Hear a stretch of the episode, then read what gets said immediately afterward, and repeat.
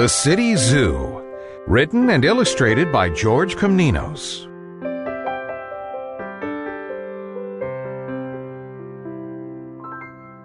The kind old keeper was popular at City Zoo. He never locked the animals up, and they roamed the zoo visiting each other for a chat, or spent their days playing with one another. All the animals were fed and protected by their faithful zookeeper, who worked tirelessly to take care of their needs and keep the zoo running smoothly. Not many people visited the zoo, as it was old and in disrepair, but all the animals lived contented and extremely lazy lives. One day, Billy Big Ears the bat was hanging around the zookeeper's office, snoozing. Bats like to slumber during the day. Nothing much happened at this zoo, so Billy was surprised to be woken with a start by the telephone ringing. Hello, City Zoo, said the keeper, smiling. The keeper's smile left his face as he listened to the person on the other end of the line. What will become of the animals? They will have to be separated and sent off to other zoos. I hadn't realized the zoo was that badly in debt. I could never raise so much money myself.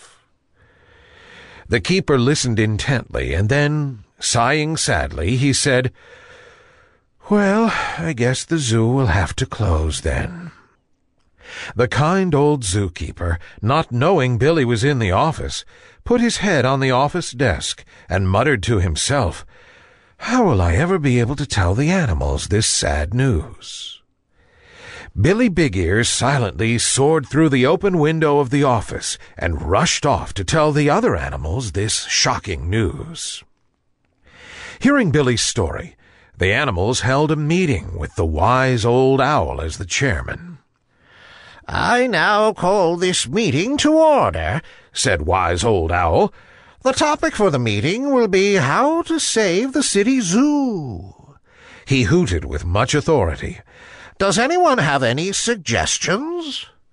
The animals all fell silent as they concentrated on this problem, until many moments later, the bat, Billy Big Ears, piped up, I know. We can find some money for the kind old zookeeper and give it to him. The other animals all smiled and nodded in agreement, until Horace Hippo, with a puzzled look on his face, asked, What's money? And where can money be found? By now, the wise old owl had heard enough. He knew the animals were not knowledgeable of the outside world, but could not help feeling impatient at the time it was taking them to arrive at an answer. Puffing up his feathers, as he always did when feeling exasperated at the other animals' ignorance, he hooted, You don't find money. Money is something you earn by getting a job. The animals all looked at one another, appearing none the wiser. And finally, Percy Pelican rather timidly asked, What is a job? A job is doing something useful to help others. Sometimes it's done voluntarily, and other times special colored paper called money is paid to the worker, hooted Owl, adding, Money is what the zookeeper uses to buy us the things we need. The animals seemed quite satisfied with Owl's explanation.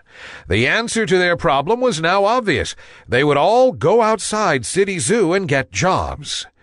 As the animals were of many different sizes and shapes, the meeting lasted late into the night as they discussed with the owl the sorts of work that would best suit their individual attributes. At the close of the meeting, the animals went to their cages to sleep and prepare for the big day that lay ahead. The next day, the animals rose early to start their first day at work. The keeper couldn't work out the reason for the animals' departure. They had never desired to leave the confines of the zoo before. He waved goodbye as they paraded out of the main gate, a puzzled look on his face. Be sure to be home in time for dinner, he yelled after them. The giraffes, Jerry and Jenny, went straight to the local telephone company. Their long necks and legs made them ideal for work on the tallest of telephone poles. Jerry and Jenny loved their new job, even if it did mean being tangled up in telephone cable occasionally. The two cheeky chimps and Big Bertha the elephant set up a car wash in a nearby car park.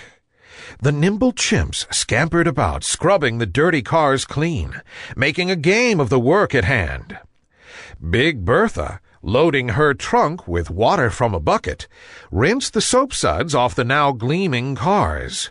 The chimps and Bertha the elephant made a great car washing team.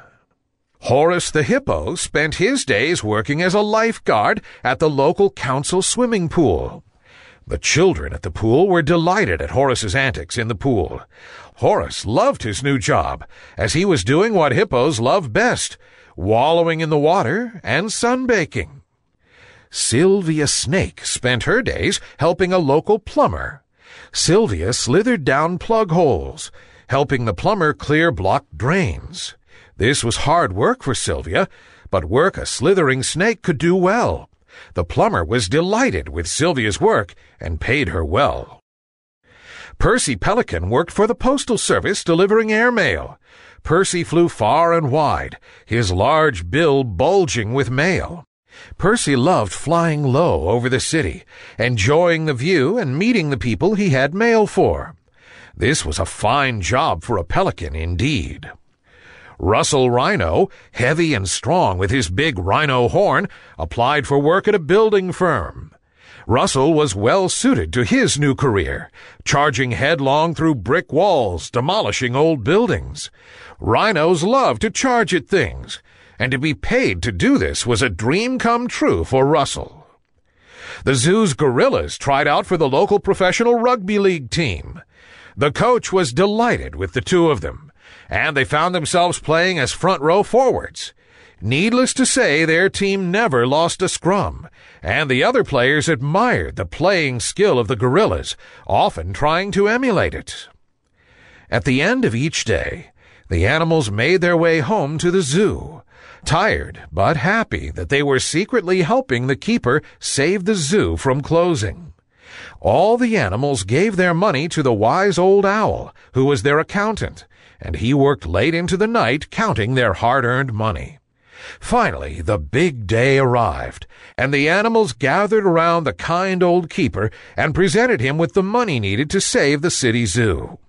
Needless to say, the keeper was overcome with joy and thanked the animals, adding, Now I know what you were all getting up to when you left the zoo.